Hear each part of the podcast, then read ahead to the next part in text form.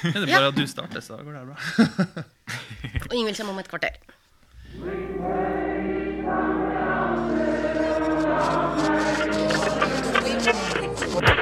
Frihet, frihet, likhet, likhet, podkast. Da setter vi i gang. Velkommen til episode 19 av Frihet, likhet, podkast. Takk, takk. Vi er som alltid på Martins kontor på Stortinget, og jeg er òg som alltid Torstein, og med meg har jeg Som alltid, Martin. Og som alltid Eva. ja. eh, Og på sakslista i dag så er det aktuelle saker, som jo er en del. Vi skal òg litt ut av andedammen, ta en, et lite dypdykk i denne eh, abortdiskusjonen som pågår, der vi får besøk av Ingvild Kjerkol fra eh, Arbeiderpartiets helsepolitiske talsperson. Og så har vi jo eventuelt Høres sakslista bra ut? Veldig bra. Da er han eh, banka, banka igjennom. Ja. Du ser litt trøtt ut i dag, Torstein. Takk. Ja, hvis jeg høres litt hes ut, så er det òg fordi jeg var på Mjø i Mjøndalen på Mjøndalen, jeg er ikke litt helt I. sikker, i Mjøndalen i går, og så Viking gruse Mjøndalen 4 Gratulerer. 4-2. Gratulerer. Takk. Nå, er vi faktisk, nå leder vi Obos-ligaen. vi ligger an til direkte opprykk, så dette er veldig stort. Nå skal vi ikke jinxe det. Det er én serierunde igjen neste søndag. Så da skal jeg på Viking stadion og heie og skrike enda litt mer. Men ja. Mm. Nedsida med at den spiller i Obos-ligaen, er at kampen starter klokka tolv på en søndag. Så det var sykt tidlig opp for å dra til Mjøndalen. Men var puben åpen før kampen. da. Ja, altså, I Mjøndalen tar de grep. Der skal åpne puben klokka ni.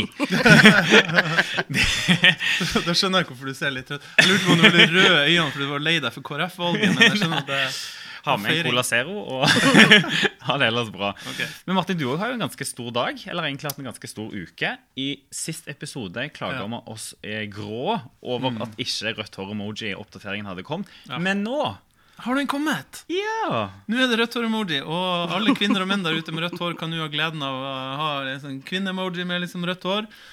Mann-emoji med rødt hår, men jeg må bare si hva faen når jeg så den. Det var første reaksjonen. Det var hva faen, For det er jo en sånn rødt hår-fyr med bart. Men har ikke alle med rødt hår, Bart? da? Åh. Så det, er litt, det ser litt ut som en sånn der uh, 70-talls diskoløve-emoji. Og jeg, jeg, kommer aldri til å bruke den. Det, liksom, det går ikke. Du ligner veldig bra på det. Ja, du har jo bart, du, har skjegg, det er noe annet. Ja, okay. Men i hvert fall, det her er i, i kampen for like rettigheter og mot diskriminering i hvert fall ett steg på veien. Ja, gratulerer. Ja. Nå har Så- vi plass på bussen, som Bent Høie ville sagt. Så nå må oppdatere, oppfordre vi alle våre eh, hundretusenvis av lyttere til å laste ned den siste oppdateringen på iPhonen sin, sånn at den får de siste rødt hår-emojiene. Hvis du får sånne SMS-er fra Martin Henriksen med mye sånn rare spørsmålstegn, så er det rett og slett fordi du Det har du ikke lasta ned. ikke lasta ned Og mange andre nye emojier der òg, som er fine å bruke. Ja, ja, ja. Du, du sa det, Martin. Det er jo litt sånn eh, dagen derpå òg. Fredag så tok KrF valget. De valgte ikke oss. Ja. Jeg, jeg var skuffa eller letta. Jeg er egentlig litt letta, for å være helt ærlig. Eh, Jeg er veldig vondt av Knut Arild Hareide, for jeg syns han er en så bra fyr. Og jeg syns det er trist for KrF at de mister han som leder. Eh, Men jeg var litt nervøs underveis for at eh, Knut Arild skulle vinne. Jeg, var litt, sånn sjokkert sjøl, for jeg, liksom alle sa at den, den høyresida i KrF kom til å vinne. Jeg hadde liksom forsont meg med at det var det som ble valget, men på fredag når jeg satt og fulgte den livestreamen, så ble jeg liksom nervøs. Ja. I hvert fall etter den første avstemningen og sånt. Og, ja. Ja. Og du og Martin? Nei, så Vi hadde jo en valgvake med noe litt sånn her tidligere. AFR, så tok vi med meg sønnen og satte han på iPaden og fulgte med. Nei, men Uh, altså Jeg var litt nervøs, jeg også, men akkurat liksom, før den siste avstemminga For først så var det jo flertall for uh, å gå inn i regjering med Arbeiderpartiet og Senterpartiet. Ja. Uh, I den første avstemminga der de skulle liksom velge to alternativer. Og så, da, da kjente jeg bare sånn her Shit, hva hvis de velger oss? Å, faen! hva gjør vi nå, liksom? Men, eh, men jeg må innrømme at det ble er både letta, men også litt skuffa. For jeg mener at det Ja. handler om for du- retningsvalget. Du har jo vært litt, sånn, litt gira på KrF. Ja. Og med, Martin ble jo til og med nevnt i Dagbladet som en sånn potensiell statsråd. Så du så kanskje den svarte bilen komme kjørende i oppkjørselen. Og, Nå ser jeg bare ba eksospotta og, og drar av gårde. Det er langt. Nei, det, det var jo det, det er et godt eksempel på liksom at når de ikke har peiling, så bare skriver de et navn på det. her statsrådsspekulasjonene. Men eh, nei, jeg synes det som var spennende med hele KrF, den debatten i KrF, var jo for det første at han Knut Arild Hareide var veldig tydelig, men det andre er at og grunnen til at det har blitt så spissa i KrF både før og etter, er jo at det handler ikke bare om hvilken regjering de skulle gå inn i, men også hva slags parti KrF skulle være. Hva skulle være de viktigste sakene, viktigste profileringa. Og Eh, jeg bare, Når jeg ser en del av de her folkene langt ute på høyresida som snakker om abort, som kaller oss for sånn ekstrem venstreside, og sånn, så tenker jeg sånn de der folkene der har jeg ikke så lyst til å samarbeide med. Men når jeg hører de venstresidefolkene, og Hilde Ekeberg fra Oppland og Knut Arild Hareide Ja. Mm. Ja, da tenker jeg sånn her, De folkene der de har jeg ingen problemer med å samarbeide med, for de vet at abortsaken må de bare legge bort liksom, i minutt én hvis de har tenkt å samarbeide med oss.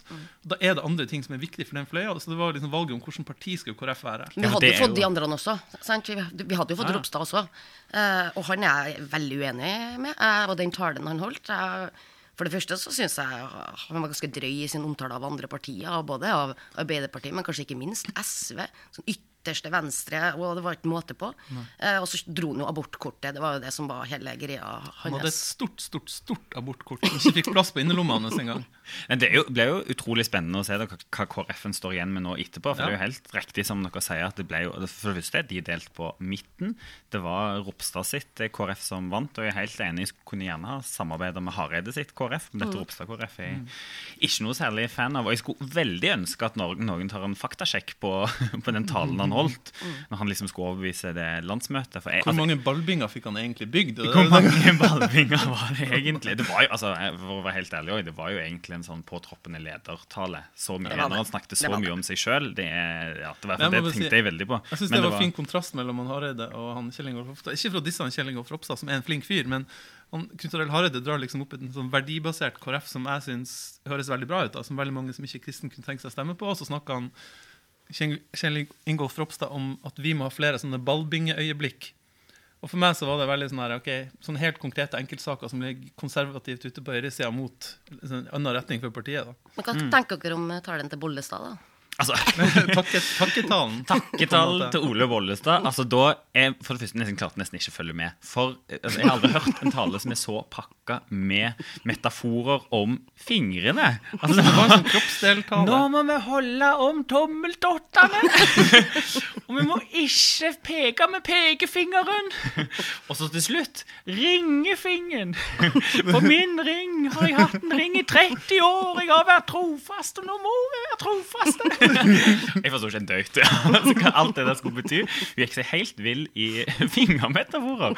Så det, Veldig bra parodi, Torstein. Det er den beste politiske analysen.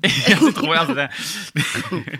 Men det som, det som skal, nå skal det jo inn i regjeringsforhandlinger, og det tror jeg kommer til å bli ganske tøft for, for, for Ropstad. Og det er tilbake igjen litt til den talen, for i den talen var det, det- altså, det var ikke måte på hva han skulle klare å fikse eh, med, med liksom politiske seire. Nå skulle det bli eh, mer gjennomslag i kampen for, mot klimaendringer. Det skulle bli bedre for alle Verdens flyktninger. flyktninger skal bli trygge nå. Bistandsbudsjettet skulle liksom eh, eh, ordne seg. Og ja, det er litt sånn lykke til med de forhandlingene nå. Nå er lista lagt sinnssykt høyt. Ja, og jeg tror at f.eks. i regjeringspartiet, Fremskrittspartiet, så tror jeg det er mange som er litt skeptiske til det her samarbeidet ut ifra hva skal KrF få, da. Ja, Siv Jensen var raskt ute og sa at det ikke er sikkert at dette går så lett som, som Ropstad skal si. Det er litt sånn taktikk og sånt, men Men nå er det jo folk som spekulerer i at nei, men kanskje hvis forhandlingen eh, eh, liksom havarerer, da, og de kommer tilbake med et forhandlingsresultat som stortingsgruppa ikke ønsker, ikke stiller seg bak, eh, da kan de enten fortsette i opposisjon, Hareide kan fortsette som leder, de kan gå til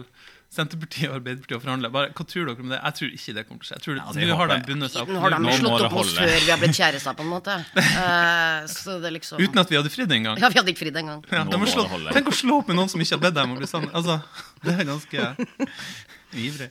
Men, apropos oss sjøl, da. Hva, hva betyr dette for uh, Arbeiderpartiet? Prosjekt 2021 betyr det. Ja, det er det det betyr. Ja. Uh, nå blir det viktig. Uh, både egentlig også kommunevalget da, til neste år blir en viktig på en måte, stasjon på veien. Eh, men eh, 2021 blir spennende, og jeg merker jo allerede nå at eh, det politiske landskapet har hardna litt. eh, At det blir litt mer tydelige eh, fløyer. Nå er det liksom avklart. sant? Nå, nå er det tre år i opposisjon. Eh, vi må jobbe med politikk og få fram skillene. Mm. Og eh, det er tydeligere hvilke, liksom, hvilke lag det blir mot, på en måte. Hvilke, Ja. På partier på ulike sider. Ja, Nå kjører vi på med uh, hovedsakene våre. Klare og tydelige. Sånn arbeidsliv, det er ulikhet. Det at det er i ferd med å danne seg et lavlønnsspor for de 10 som tjener dårligst. De har gått ned og ned og ned i lønnsutvikling de her siste årene. Uh, klimasaken. Eh, og så har vi fått drahjelp da fra Erna Solberg og Bent Høie til at vi nå kan trekke ut i, i gaten i protest mot forslag som berører oss veldig dypt, som vi skal snakke om etterpå, nemlig abortsaken. Ja. Eh, jeg tror det kommer en del flere sånne saker. Altså, altså, vi, det rød-grønne alternativet, vi kjenner hverandre godt. Vi kjenner, altså Arbeiderpartiet, SV og Senterpartiet kjenner hverandre godt. Vi har mange saker som overlapper. Vi kan finne sammen. Vi kan lage et, et gigantknallbra, fantastisk eh, valgkampprosjekt fram til 2021. Så det jeg merker på folk i Arbeiderpartiet, at liksom, kanskje noen er litt skuffa, men samtidig så altså, Vi blir gira av det. Vi, ja, vi Ja, gjør det. ja, vi gjør det. Jeg tror vi blir gira av liksom at nå er det avklart, men jeg tror heller ikke vi skal underspille at det blir ganske Altså det blir kjipe tre år. da. Nå skal vi sitte i en type opposisjon som betyr at altså vi har en Ja, flertallsregjering ja. Mm. mot oss. Vi har jo kost oss ganske mye det siste året når vi har kunnet få med oss KrF på en del viktige saker for oss. Altså Det er jo faktisk, som du sier, Martin, både på arbeidsliv og på klima og, Ja, og på, på skole. Vi blir jo flytta ut av Stortinget og til forhandlingsbordet ja. og bedre enn annet Så det er en fare for at. Stortinget blir mindre, mindre viktig. Og vi må bare innrømme det. Det er jo noen partier som syns det er litt gøy i opposisjon. Senterpartiet, Frp, delvis SV og sånn. Men vi, vi liker å bestemme. Vi liker å styre. Ja. Og det er jo det som er gøy, å være med og få gjennomslag og gjøre ting. Men uh, Ja, så derfor, Jeg tror jo faktisk også, jeg skal være ærlig på det, at det er en del folk i Arbeiderpartiet som er ganske skuffa over at vi ikke ja. skal sitte i, sitte i regjering og få lov til å være med og bestemme enda mer. Men jeg tror at dette for Arbeiderpartiet, hvis vi kan tenke litt sånn egoistisk hva er best for oss, så er det der å ha litt mer tid nå på å lage et politisk eh, prosjekt. Finne de tydelige, gode sakene og liksom kanskje lage prinsipprogram, som vi har snakka om. Å, det har jeg så lyst til. Ja, veldig lyst. Ja. Og så er det bare å begynne å se for seg valgnatta 2021. Akkurat som tenker på 2005-valgnatta, når vi vant. Kasta det den Det var så høyre- høyre, høyreleda, holdt på å si, den i hvert fall høyredominerte regjeringa. Bare se for seg den valgnatta. Ja. Jeg er klar. Vi er klar. Du, det har vært noen andre saker også, som vi bare eh, må eh, snakke om. Det ene var at eh, slutten av forrige uke så, så, så ble nyheten sluppet om at eh, Oslos varaordfører Kamzy skal lede 17. mai-komiteen i Oslo. Ja, og det fikk jeg veldig mange gratulasjoner for. Men det var også noen som ytra seg litt kritisk til det. Ja, du snakker om Ytterhorn. Ytterhorn, ja. Fra hornet på veggen. Fra hornet på veggen. Inger Marie Ytterhorn, eh, Frp-er, sitter i Nobelkomiteen. Er tidligere stortingsrepresentant fra Sitter vel ikke nå lenger satt. Satt? Ok, alt var sånn satt. Ja. Eh, men hun vil ha, altså hun syntes det var helt eh, hårreisende da, at Kamzy skulle lede 17. mai-komiteen. Hun ville ha mer kronisk norsk i 17. mai-komiteen. ja. Kronisk norsk bakgrunn, faktisk. Ja. Og hva er det å være kronisk norsk? ja, jeg lurer veldig. Altså, jeg tror hun skrev feil. Og så ble det bare ekstra komisk. Og det, ras, rasismen fikk bare liksom Bare highlight det rasistiske innholdet. Ja. Ja, men Det var ganske drøyt. Eh, jeg syns, jeg syns hun var veldig drøy. eh, og jeg er så glad for at så mange sto opp for Kamzy. Mm. eh, og bare ja, virkelig bombarderte Facebook særlig. Eh, så det Og tok skikkelig avstand. Altså, Det ene er jo paradokset med at Frp sjøl utnevnte han Keshvari som leder av Ja, 17. ikke sant. mai-komiteen for et par eh, år tilbake. Så det, den historien burde en kanskje hatt med seg. Men altså, Det er sjelden jeg kaller andre politikere for eh, å bruke rasisme, men jeg mener faktisk den Facebooken-oppdateringa der var rasistisk. Det hun der ytterhornet ikke har skjønt, er jo hvor god hun kan si til å lage fest. Så det blir veldig bra. Det blir kjempebra. Jeg gleder meg allerede til Det blir en bra 17. mai i Oslo. Det blir veldig, kan- veldig bra. Og så bare mener jeg at nå må vi med en, en gang for alle bare legge død den der tanken om at hvis du har brukt 30 000 kroner på å kjøpe deg bunad du ikke er glad i 17. mai, da liker du 17. mai. Da elsker du 17. mai. Ja, og da kan du få lov til å gå først i 17. mai-dagen. Du, Vi må også snakke om den store bolledagen. Og Jeg håper som har så mange Bollestad. Bollestad, ja. Bollestad, Jeg håper som så mange danske lyttere, for de kan misforstå veldig det. Men 1. november så var det OD-dagen. Eh, og det er den Eva Kristin Hansen-humor. ja, det var det. lagt inn spesielt for det. Ja. Men det er 1. november, eh, Operasjon Dagsverk-dagen. Det er dagen der eh, tusenvis av norske ungdommer er ute på gaten og selger boller for et godt formål. Og jeg tok meg en bolle, og særlig den gangen her. Det var Særlig, det var ekstra viktig, for altså, jeg synes det var, det var veldig absurd det som skjedde. Det, I år samla eh, norske ungdommer inn penger til KFK og KFUM, altså den kristne speiderorganisasjonen, rett og slett, som samler inn penger til sitt arbeid i Palestina. Og Da er det snakk om sånn eh, tiltak for å hjelpe traumatiserte palestinske barn, og det er et, et godt formål. Men av alle ting da, så rykker med Israel, med Israel for fred voksne, eh, kloke, forhåpentligvis mennesker ut og angripe disse ungdommene på Ja, det var ikke måte på heller. Det var jo helsides annonser Ja. i avisene. Det var helt ellevilt, syns jeg. Og det er, helt, det er så spesielt å liksom gå ut og angripe liksom, ungdomsengasjement på, på den måten. Og, Som skal hjelpe traumatisert ungdom i Palestina. Mm. Ja. Operasjon Dagsverk er jo viktig, for det engasjerer jo ungdom veldig. Eh, og jeg syns det var ganske hårreisende at voksne mennesker eh, Oppfører oppfører, seg på den den måten. Jeg må innrømme at nå fikk jeg veldig dårlig samvittighet. Ja. Du ga ikke penger. Ja, nei, det er ikke penger. Og vi, vi, altså vi, alle vi tre har jo veldig brennende engasjement for Palestina. har vært der flere ganger. Jeg var bortreist den dagen, glemte å gi penger. Så nå skal jeg si herved unnskyld Agathe, leder i EU, unnskyld alle dere som har på på Bodø. Nå skal jeg gå etterpå skal jeg finne ut hvor jeg kan gi penger. Gjør Send en bolle i posten til Martin. Oppfordring til alle som ikke har gitt penger, gjør det. Du, Vi eh, må òg eh, ut, litt ut av vanndammen.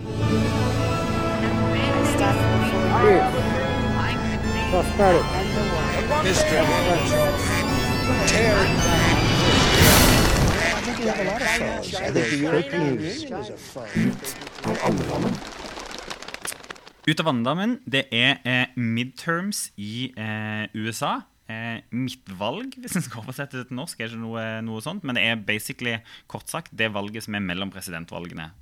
USA, presidentvalg, hvert Når fjerde du år. velger, velger til Kongressen, til Senatet og Representantenes hus. Så det er, ganske, altså det, er ikke, det er ikke bare et tullevalg. Det er ganske mye som skal velges. Hele Representantenes hus, en tredjedel av eh, Senatet. Og det er spesielt viktig, da, fordi dette kan vippe eh, noe av flertallet. Nå er det jo faktisk sånn at eh, Trump er president, og med sitt parti har flertall både i Senatet og i Representantenes hus. Og kan gjøre så mye crazy de vil. De kan, gjøre- altså, og det har vi jo sett. Det gjør de jo òg. Velge all slags rare dommere og alt sånt. Men nå ligger det ligger en faktisk an til at demokratene kan vinne et dog knepent flertall i Representantenes hus. Ja. Men det er verre i Senatet. Det er verre i senatet, altså der er Det det, er veldig jo få på valg, Ja. for det er ikke alle som er på valg hver, Nei. sånn, hver midterm. Ja. Og det er mye sånne konservative eh, Ja. distrikter og sånt som, Det det. som skal, som Så skal egentlig så har demokratene som utgangspunkt oddsene mot seg, for det er mange flere demokrater enn republikanere som er på valg, både Representantenes hus og Senatet, og det er veldig konservative kretser, mange av dem. Eh, men det blir veldig spennende å se. Det som er litt sånn skremmende å se på, og interessant fra Norge, det er at han Trump fordi at demokratene vil diskutere eh, helse og eh, rettigheter og helse, vil diskutere de enorme skattekuttene som fører til økte forskjeller.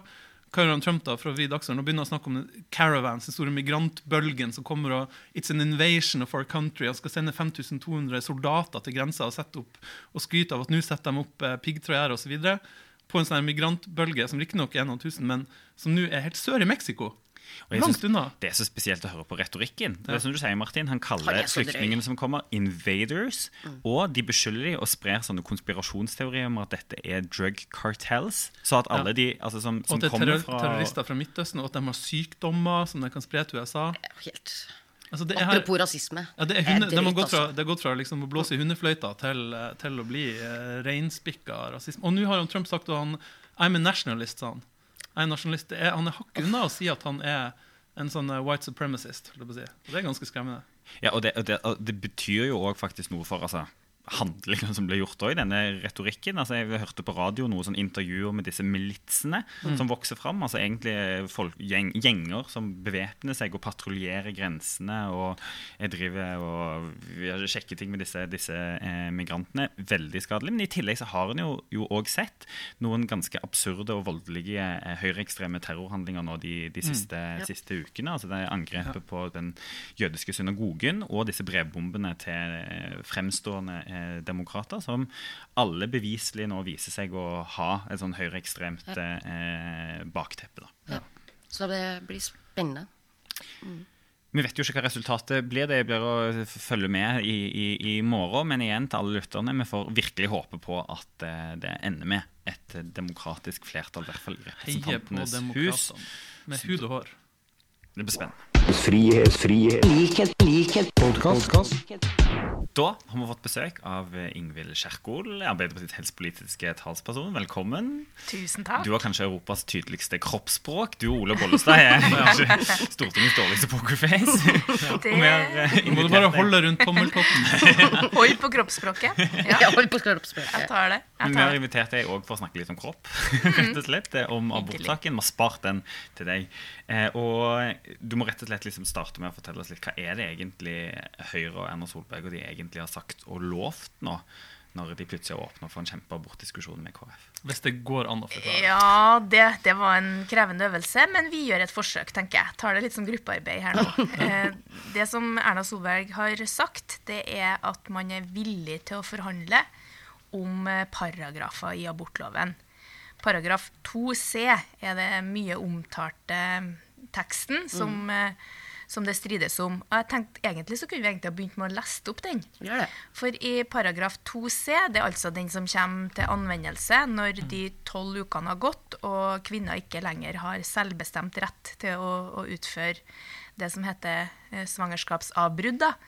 Eh, og der står det da, da er det ulike paragrafer som liksom regulerer det, da, og så går det til behandling i ei nemnd. Og i paragraf 2c så står det eh, etter utgangen av tolvte svangerskapsuke kan svangerskapsavbrudd skje når det er stor fare for at barnet kan få alvorlig sykdom som følge av arvelige anlegg, sykdom eller skadelige påvirkninger under svangerskapet. Eh, Og det som du vil eh, få problemer med å få en medisiner i Norge til å, å si veldig klart, det er jo at mennesker med Downs eh, er alvorlig syke mennesker. Det bryter jo med vår oppfatning. og Fleste av oss her har jo folk med Downs syndrom i våre nære omgivelser. Jeg har i hvert fall en par stykker som jeg kaller gode venner, og de fremstår ikke alvorlig syke for meg. Men det er jo forhøya risiko med en rekke sånne tilleggslidelser når du har Downs syndrom. Så det som er det rare her, da, det er jo at vi har en statsminister og en helseminister som ganske konsekvent omtaler denne lovparagrafen som Downs-paragrafen. Og det syns jeg er en litt ny situasjon i norsk politikk. da. Men Var det ikke disse som innførte den? Det er jo ikke den regjeringen som har Nei, den her er ikke nylig innført. Den har vært med lenge. Um, så, så, så det er det ikke. Um, men ehm, De, de innførte fosterreduksjon, det som, Ja. de, det som de da nå kaller tvillingabort. ja, det skal vi vel òg snakke om. Ja. så, så det det i bunn og grunn handler om, det er jo at Erna Solberg har uttalt at dagens lovverk er diskriminerende. Det mener både hun og Bent Høie. De har faktisk kjempa for det på Høyre sitt landsmøte og tapt. Uh, sviende nederlag. Og ønsker å åpne for det. Men så sier de igjen da, at det skal ikke De skal styrke kvinner sin selvbestemmelse, da. Så det skal ikke gi noe praktisk betydning, men eh, loven skal endres. Men hvis KrF skal bli fornøyd, så må det jo skje en endring. Og det sa jo Ropstad, han fikk jo spørsmål på Politisk kvarter i dag, mandag. Der, fordi at Da tok jo programlederen Lilla Sølvesvik opp at ja, men Erna Solberg sier at det her skal ingen praktisk betydning. Er du enig i det, eller mener du at det her skal føre til at flere kvinner får nei til å ta abort i nemnd? Og Da svarer han Ropstad at ja, det forventer vi. Det er KrF sitt utgangspunkt. Altså, at det Ja. skal bli flere Ja. som får, får avslag på abort. Og Ropstad sier også at uh, fosteret skal få sterkere rettsvern. Eh, I denne sammenhengen så betyr jo det at selvbestemmelsen til kvinner må svekkes. Sant? Det er det som er konsekvensen av det For det går ikke an å få til både det han Kjell Ingolf Ropstad sier, Nei, og det det, Det er den ene delen av argumentet til Erna. Ja. For hennes to argumenter slår seg jo i hjel her, da. Kvinners, kvinners, at kvinners eh, opplevelse av egen situasjon, er jo det de sier, Mm. skal tillegges sterkere vekt. Og på den andre sida at man da skal endre paragraf 2c. Ja. Og så er det jo òg sånn da at når eh, den grensa for selvbestemt abort, som er tolv uker, har gått ut, så er det jo flere paragrafer Ja. eh, som, eh, som er liksom førende for den behandlinga som skal skje i, i nemnda. Og så står det òg i loven at det er en helhetlig vurdering av kvinnene sin situasjon som skal vektes. Sant? Så det som har vært eh, en trygghet for alle de kvinnene som opplever å få syke barn, det er at det har vært så klart uttrykt i lovverket at det er grunn til å få innvilga svangerskapsavbrudd. Mm. Mens nå må man, hvis eh, man får endra det her, da, så må man møte i ei nemnd og, og forklare veldig hvor vanskelig det her er, ut ifra en subjektiv vurdering. Så det er, det er ikke noe bra forslag. Det er rett og slett et dårlig forslag, og norske kvinner kommer til å demonstrere og reise Ja, mot det mot er så sterke reak- reaksjoner ute. Ja, nå er innboksen fylt opp igjen. Altså. Nå er det engasjement der ute. Og det som overrasker meg, er jo at denne regjeringa ikke lærer Nei. av eh, det å tukle med abortloven. For det vekker engasjement. Det så vi når det var snakk om em, Reservasjonsretten. Nei, det heter ikke det. Vi skal snakke om ordbruk. Det heter henvisningsnekt. Det gjør det, ja. Ja. Altså, Reservasjonsrett. dette er det som helsekomiteen er eksperter på. sånn Ja, ja, ja. På.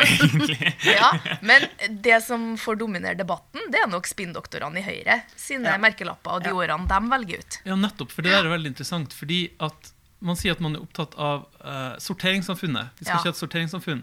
Men så er det den bruken av ordet Downs-paragrafen. Mm. Ja. Bruke det ordet om paragraf 2c. Ja.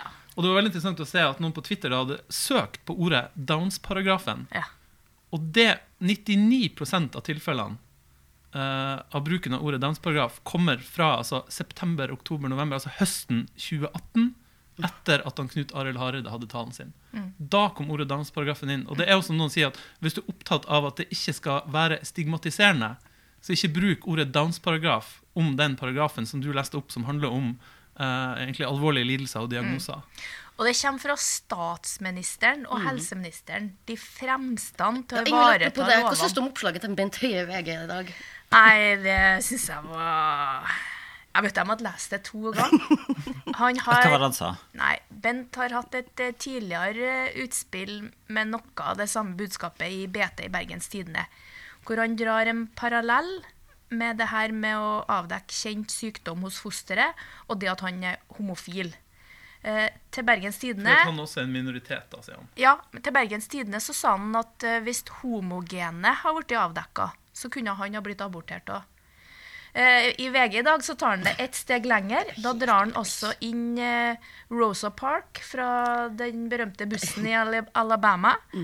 Og, sier at eh, det handler om å forstå minoriteter. Eh, både det å være homofil og, og den diskrimineringa som Rosa Parks opplevde når hun ikke fikk lov til å sette seg på det setet hun ønska i eh, bussen. Jeg bare Ja, jeg ingen voksne hjem lenger, tenkte nå jeg. Er det lov til å si hva som helst nå? Det, det var det første jeg tenkte. Jo, men Det som jeg synes er helt absurd, det er jo det store bakteppet. altså Sånn som vi nå akkurat har snakket om, At det Høyre egentlig går inn for, egentlig ikke er noe, noe særlig endring i, i, i det hele, hele tatt. Altså de, Si dem.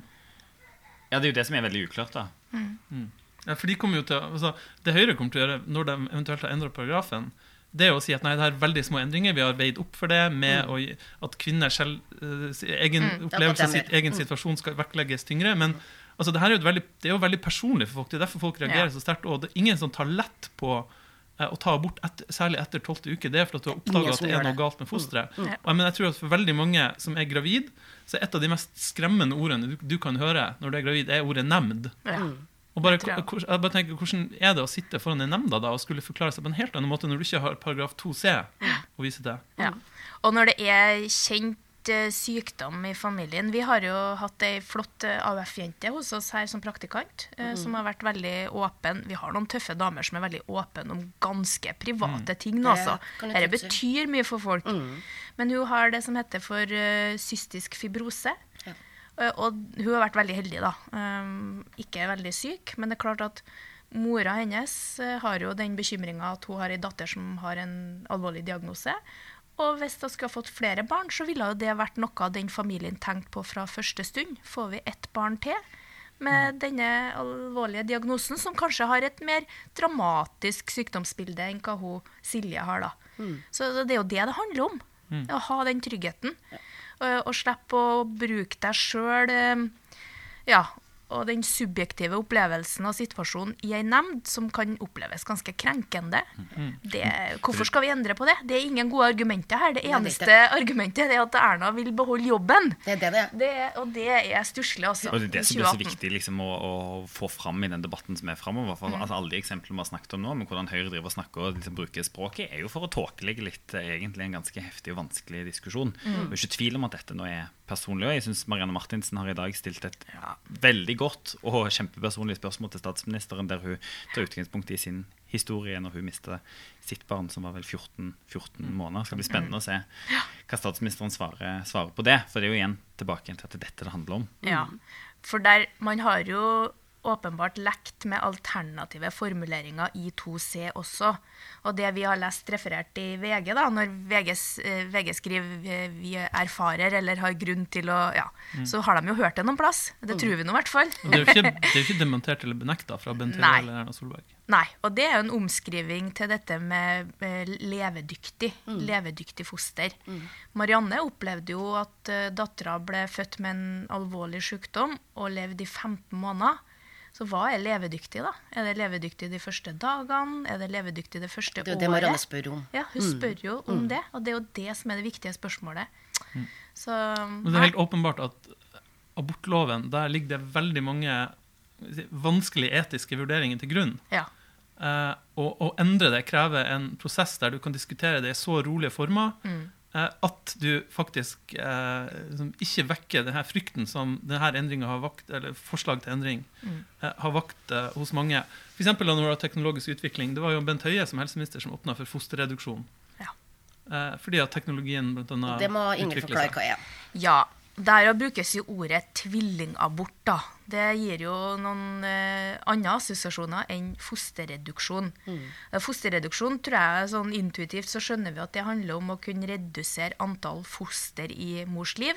Klart Hvis du blir gravid og får firlinger, femlinger, så er det veldig sånn da er det medisinsk begrunna hvis du da bruker den prosedyren som gjør at du kan fjerne et, ja, flere av fostrene, sånn at det blir et, et tryggere svangerskap som du har mulighet til å gjennomføre. Eh, og um, det her er en ganske ny teknikk. Det er to fostermedisinere i Norge som utfører prosedyren. Jeg har møtt begge to. De er proffe, dyktige fagfolk, eh, og de har ønska en avklaring av dette her i loven.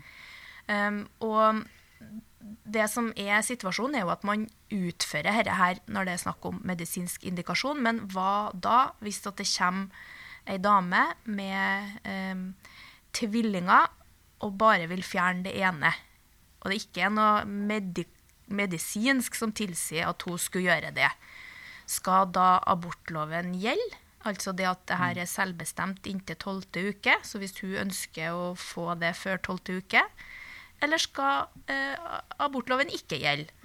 Og det som er gjort, da, det er en sånn typisk eh, tørr eh, lovfortolkning som eh, Justisdepartementets lovavdeling foretar.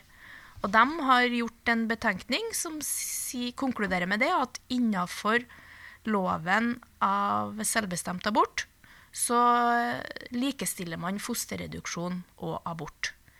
Og grunnen til det det må jo være veldig sånn teknisk her, det er jo at hvis man skulle si nei til det, så ville jo det eneste alternativet til dama vært å tatt bort to okay. foster. Sant? Så hvis loven skal tilby en fortolkning som gir et mer radikalt utfall, så, så er jo ikke det et et, en etisk sett bedre løsning. Det høres litt komplisert ut, det her. Men, eh, Men det er hvis du står i en vanskelig situasjon og sier Ja. nei, jeg, vel, jeg vil velge å bare bære fram det ene fosteret. Ja. Hvis du da får valget nei, liksom, begge eller ingen, så vil Ja. da enkelte si da tar jeg liksom Ja. begge. Men, men det som jeg mener må komme fram her, da, det er at det her er veldig, veldig få det gjelder. Veldig få det gjelder. Og eh, norske tvillingmammaer, de føder sine tvillinger med stor kjærlighet, overalt, glede og forventning. Selv om det i mange tilfeller er høyrisikosvangerskap. Ja, for det er jo krevende. Sant? Det er det som er bildet. Så dette blir en veldig veldig liten andel, og det kan være viktig nok det når vi snakker om lover og etikk og alt det der. Men det fødes altså eh, I 2017 så var det 878 tvillingfødsler. Og det vi nå diskuterer, det handler om en håndfull. Sant? Så det må òg med, tenker jeg. Nei, og det, er, altså, det blir spennende å følge den debatten videre, og ikke minst hvordan formuleringen og sånt blir når, når de skal sette seg og forhandle De om kommer til å få trøbbel. Det blir bråk. Jo, men og så ser jeg jo også at en del sånn høyrefolk ute og oppfordrer til liksom en enklere eller en, eh, en, en, en god debatt. Og det skal vi være de første til å liksom, være enig i. Og jeg tror liksom det der å konkludere med at eh, Men da må det òg få lov til å handle om det som er sakene. Og, det Og da er sender vi hun. Europas tydeligste kroppsspråk i debatt. Ja. Du er klar, Ingvild? Ja, jeg er klar, men jeg må bare si at det her skråplanargumentet vet du, det kommer jo alltid på denne type spørsmål. At hvis vi åpner opp for det, så kommer alle til å benytte seg av det. Ikke alle, men, men flere og flere. Og det må vi selvsagt følge med på, men f det må jo sannsynliggjøres at det er riktig, da. Eh, det er ingen grunn til å tro at norske tvillingmødre ønsker å benytte seg av det her. Det er det ingen grunn til. Fordi at en håndfull damer har gjort det, og vi kjenner ikke situasjonen til disse damene. Vi vet ikke hvilken livssituasjon de er i, hva de har av andre utfordringer. Så det er ikke noe grunnlag til å konkludere med at her er man på skråplanet. da, sant? Så det, det møtes, møter det argumentet alltid når det er snakk om bioteknologi og den type spørsmål. Og ta- bunnlinja her er at vi vil ikke at de skal måtte sitte foran en nemnd for å ta den avgjørelsen. Nettopp. Og jeg tror Nå sender vi deg ut i debatten, Ja, Ingvild, og, og er oppfordrer alle lytterne til å lese og dele det flotte innlegget du har skrevet i VG om dette. Så de som vil fordype seg enda mer, kan gå inn og, og lese det. Er det noen som har noe på eventuelt? Nei. Her er det en ting. Ja. SV fikk jo kritikk for at de hadde lagt ut på Facebook sånn her Hei, verv deg til eh, Bli medlem i SV hvis du vil.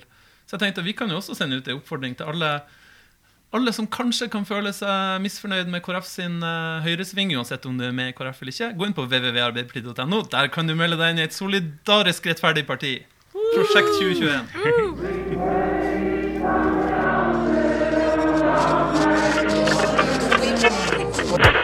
Frihet, frihet, likhet, likhet, podkast.